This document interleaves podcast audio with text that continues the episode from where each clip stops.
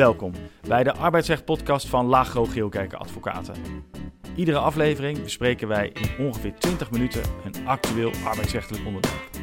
Mijn naam is Gerard Zuidgeest. Ik zit hier samen op ruim anderhalve meter met mijn collega Annemiek Varkens.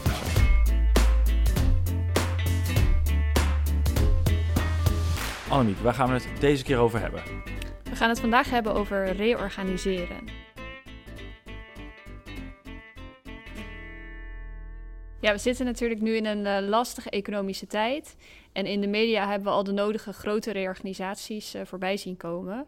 Aan de ene kant ja, eigenlijk de logische reorganisaties bij bedrijven die het nu lastig hebben, zoals de KLM of andere reisorganisaties.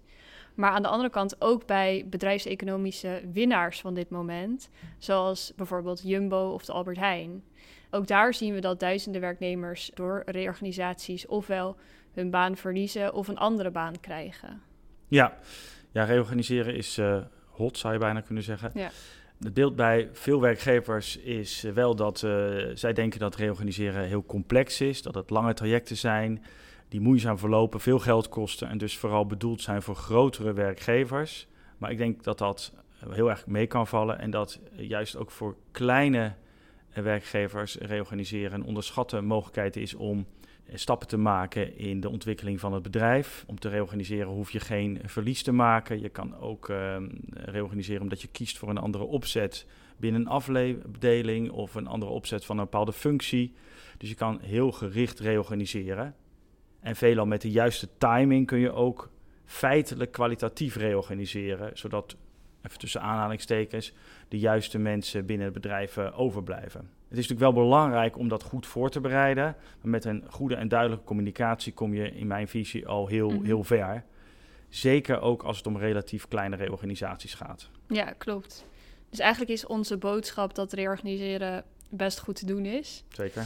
De regels van het UWV zijn op zichzelf wel technisch, maar als je die gewoon goed doorleest, dan kom je daar vaak wel uit. Je hebt wel technische begrippen, zoals bijvoorbeeld de bedrijfsvestiging.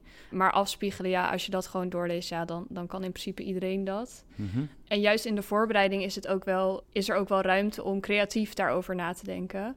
En dat is ook waar wij veel mee bezig zijn, om te kijken hoe je die regels kunt gebruiken om toch naar een uitkomst te komen die voor het bedrijf gewenst is. Ja, inderdaad. Dat is ook wat wij uh, veel doen. We puzzelen met de werkgever uh, mee om te kijken of we met een bepaald soort stoelendans uh, tot een gewenste uitkomst kunnen komen.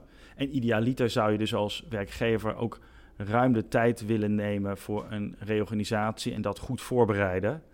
Want in onze ervaring, als je dat goed voorbereidt en door de tijd een logisch verhaal hebt waarom er moet worden gereorganiseerd, dan zien we dat aan de achterkant je heel veel tijdwinst maakt, omdat zeker in deze tijd vrijwel alle werknemers bereid zijn om de vaststellingsovereenkomst die je dan als een werkgever vaak aan werknemers aanbiedt, te accepteren. Mm -hmm. En dat je dus helemaal geen UWV-traject of een doorlopen UWV-traject nodig hebt om uh, de beëindiging te bewerkstelligen. Velen hebben werknemers wel begrip voor wat er uh, door de werkgever verteld wordt, als dat maar logisch is. En dat heeft ook nog een belangrijk voordeel, omdat Um, werknemers hebben snel het gevoel dat het aan hen ligt. Hè, dat als er een verstoring van de relatie ontstaat of als er dysfunctioneren is, dat roept vaak verzet op van de individuele werknemer. Als het een reorganisatiesausje heeft, dan leidt dat sneller tot begrip, omdat het niks met de werknemer zelf te maken heeft, maar met de macht, met, uh, sorry, met de markt of uh, met uh, de mm. organisatie. Dus het is, werknemers hebben sneller begrip voor een reorganisatie, ontslag, als het ze treft, als een ontslag op basis van bijvoorbeeld dysfunctioneren voor het uitleggen van, van technische begrippen als afspiegeling en stoelendans heb je eigenlijk een flip over, heb je eigenlijk beelden nodig. Ja. Nou, da, da, daarvoor leent een podcast zich wat, uh, wat minder. Dus we focussen vandaag uh, in deze podcast op het sluitstuk en in mijn visie op een wat onderschat onderdeel van het reorganiseren. Dat is namelijk de herplaatsing. Ja, en dan gaan we kijken naar hoe ver de herplaatsingsverplichting reikt. Is er sprake van een inspanningsverplichting of van een resultaatsverplichting? En wat moet je nou als werkgever doen en laten? Wat kunnen werknemers of wat doen werknemers die het de werkgever ten aanzien van de herplaatsing lastig maken? Die vraag gaan we allemaal beantwoorden. Ja, ja, we kijken ook nog heel even naar de NOW. Want welke effect heeft de NOW op reorganisaties? Ook dat gaan we beantwoorden. Ja. Laten we maar beginnen. Ja. De werkgever die dient zich in te spannen om de werknemer die in een reorganisatie zijn functie verliest, uh, te herplaatsen in een passende functie. Ja. Dan is de vraag natuurlijk, wat is een passende functie?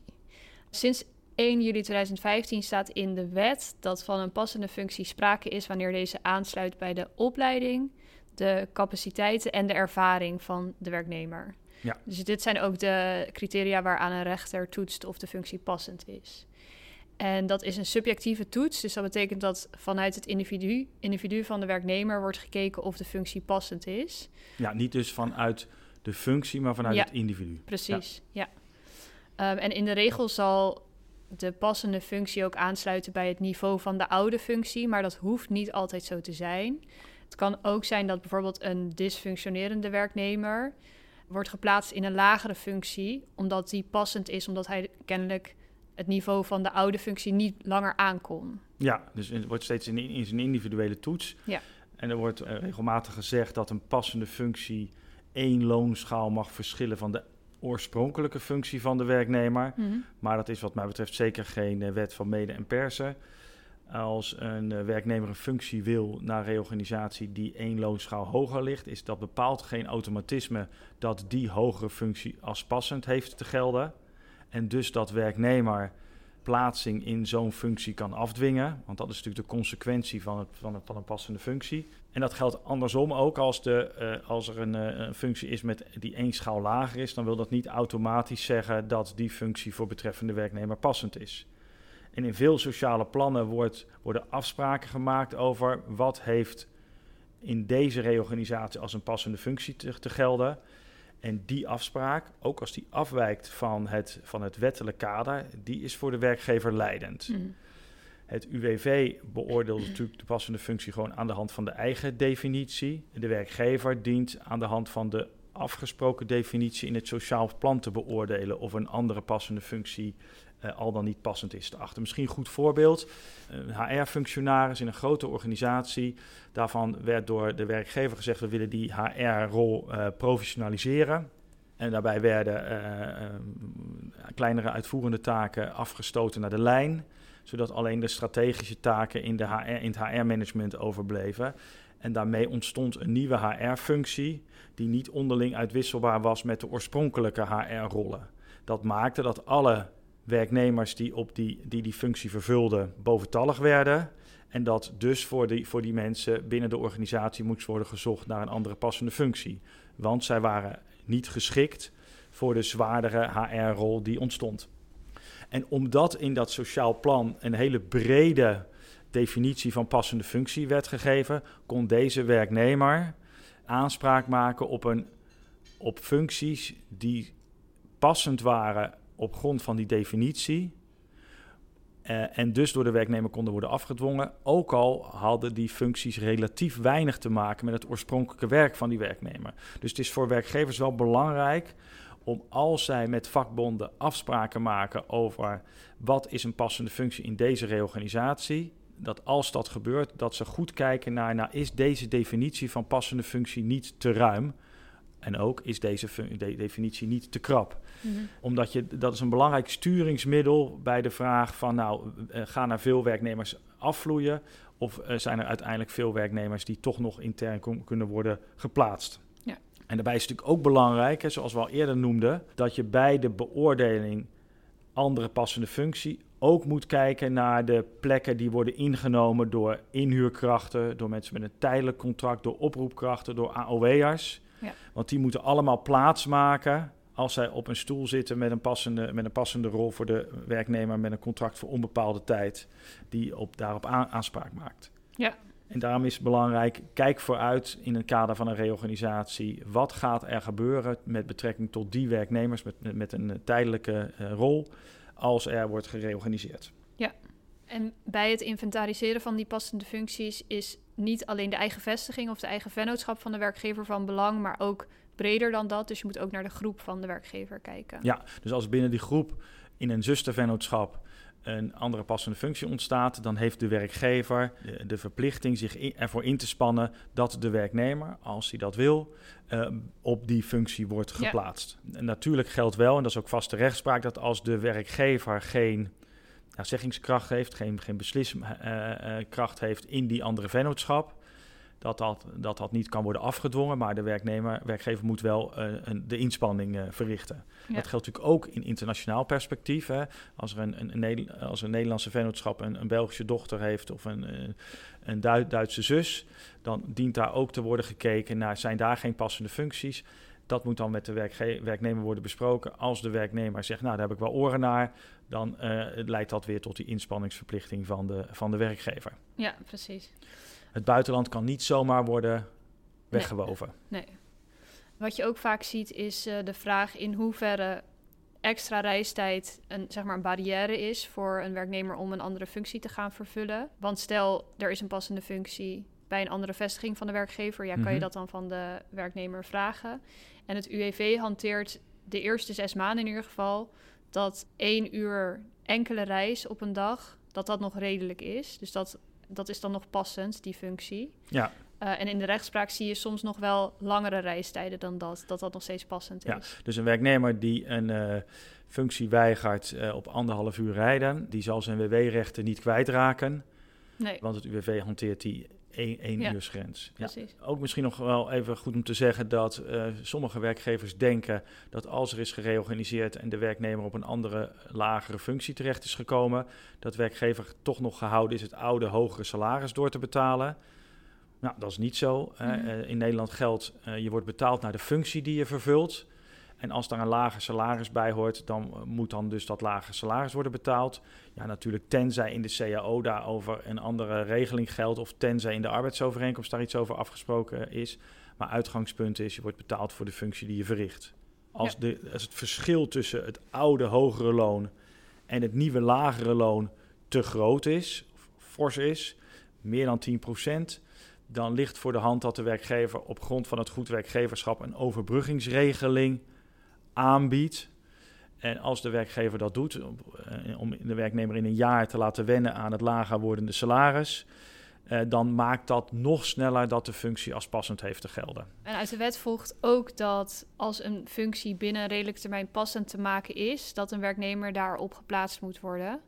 Uh, en een redelijke termijn, dan wordt er aangesloten bij de opzegtermijn. Dus dat hangt ervan af hoe lang de werknemer uh, in dienst is, vaak. Dus dat zal één of of een aantal maanden zijn. Dus als er binnen die redelijke termijn bijvoorbeeld een cursus kan worden gevolgd, waarbij de werknemer dus op het, tot het niveau van uh, de nieuwe functie uh, wordt gebracht, dan kan hij daar gewoon uh, op geplaatst worden. Ja. Dan is dat een passende functie. Ja, maar als je, als je op HBO-niveau hebt gefunctioneerd en de nieuwe functies op WO.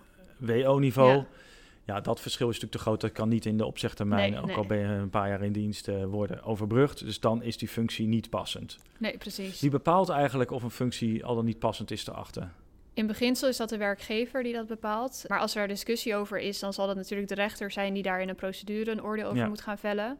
En in veel sociale plannen is er ook een uh, rol voor een plaatsingscommissie. Die dan um, bijvoorbeeld als de werknemer bezwaar heeft uh, over een passen, de passendheid van een functie, die daar dan een oordeel over kan vellen. Ja, en mijn advies is dan wel: uh, neem dan in die onderliggende regeling niet op dat het advies van, advies van de plaatsingscommissie bindend is. Maar dat moet altijd een advies blijven. Ja. Zodat de werkgever nog zelf de mogelijkheid heeft om dat advies al dan niet op te volgen. Je ziet natuurlijk wel in de rechtspraak dat als de werkgever een advies van zo'n plaatsingscommissie niet opvolgt, tot een andere beoordeling komt, dat dat echt wel heel goed gemotiveerd uh, moet ja, worden. Maar zeker. die mogelijkheden die zijn er wel. Ja. Heeft trouwens de werkgever uh, de vrijheid om als er meerdere werknemers geschikt zijn voor een passende functie, dan de vrijheid om de meest geschikte te kiezen? Of gelden daar ook nog voorrangsregels voor? Ja, het ligt er een beetje aan of uh, hoe die nieuwe functie of die passende functie eruit ziet. Want als het een heel andere functie is, dan kan de werkgever gewoon de meest geschikte boventallige werknemer daarop plaatsen. Mm -hmm. uh, maar als die nieuwe functie wel onderdelen van de oude functie bevat, mm -hmm. dan geldt weer dat er omgekeerd moet worden afgespiegeld. Ja. Dus ja. dan is er wel een bepaalde volgorde die de werkgever moet hanteren. Oké, okay. nou mooi. Dan gaan we in het tweede blok kijken naar wat er van werkgevers en werknemers wordt verwacht in het, in het proces met ja. betrekking tot de herplaatsing. Ja, dan is de vraag wat in het kader van de herplaatsing dan van werkgever en werknemer redelijkerwijs kan worden verlangd. Wat moet de werkgever doen om bij het UWV over de, droog over de sloot te komen en dus uh, te voldoen aan de herplaatsingsinspanningen? Nou, zoals gezegd, het gaat om inspanningen. Er is geen resultaatsverplichting. Dus als de werkgever zich maar voldoende heeft ingespannen, dan zal het UWV uh, ja zeggen tegen het verzoek om tot beëindiging van de arbeidsovereenkomst te mogen komen. Heeft de werkgever zich onvoldoende ingespannen, dan is, het, dan is het nee. En je ziet in de rechtspraak dat van de werkgever een hele actieve rol mag worden verlangd, die op de persoon van de werknemer is gericht. Dus niet alleen maar algemene inspanningen, mhm. niet alleen maar een briefje aan alle werknemers. Nou, hier heb je de website, dit zijn de vacatures, wij horen wel van u. Ja. Maar er zal daadwerkelijk met iedere werknemer aan tafel moeten worden gezeten, of misschien nu teams uh, moeten worden gedaan om voor deze specifieke werknemer te kijken wat zijn er voor concrete mogelijkheden voor deze werknemer in de organisatie van de werkgever. Of zijn er wellicht mogelijkheden bij een zustervennootschap? Wat zijn de wensen van de werknemer? En dan heeft de werkgever daarop redelijkerwijs te acteren. En dat dat soms best ver gaat, dat blijkt uit een uitspraak die jij had uh, gevonden. Ja, precies. Dat ging over een uitspraak van het UWV als werkgever. En daar was een werknemster van die daar 30 jaar in dienst was, die dreigde haar baan te verliezen vanwege een reorganisatie. En het UWV had in het kader van de herplaatsingsverplichting een loopbaanadviseur ingeschakeld, die de werknemster op verschillende vacatures heeft gewezen binnen het UWV en haar ook ondersteund heeft bij de sollicitaties. Maar dat was volgens de kantonrechter te weinig het UWV had actiever, een actievere rol moeten spelen. En die had niet bij voorbaat al mogen zeggen dat de werknemster voor bepaalde functies niet geschikt was. Dan had, ze, had het UWV die, uh, de werknemster in ieder geval een proefplaatsing moeten geven om te kijken of zij daadwerkelijk geschikt was voor de functie. Uh, en verder de andere, de andere dingen die het UWV heeft gedaan, die waren meer van algemene aard. Dus die hadden, ze hadden tests afgenomen van de, de test afgenomen van die loopbaanadviseur en sollicitatiebegeleiding aangeboden.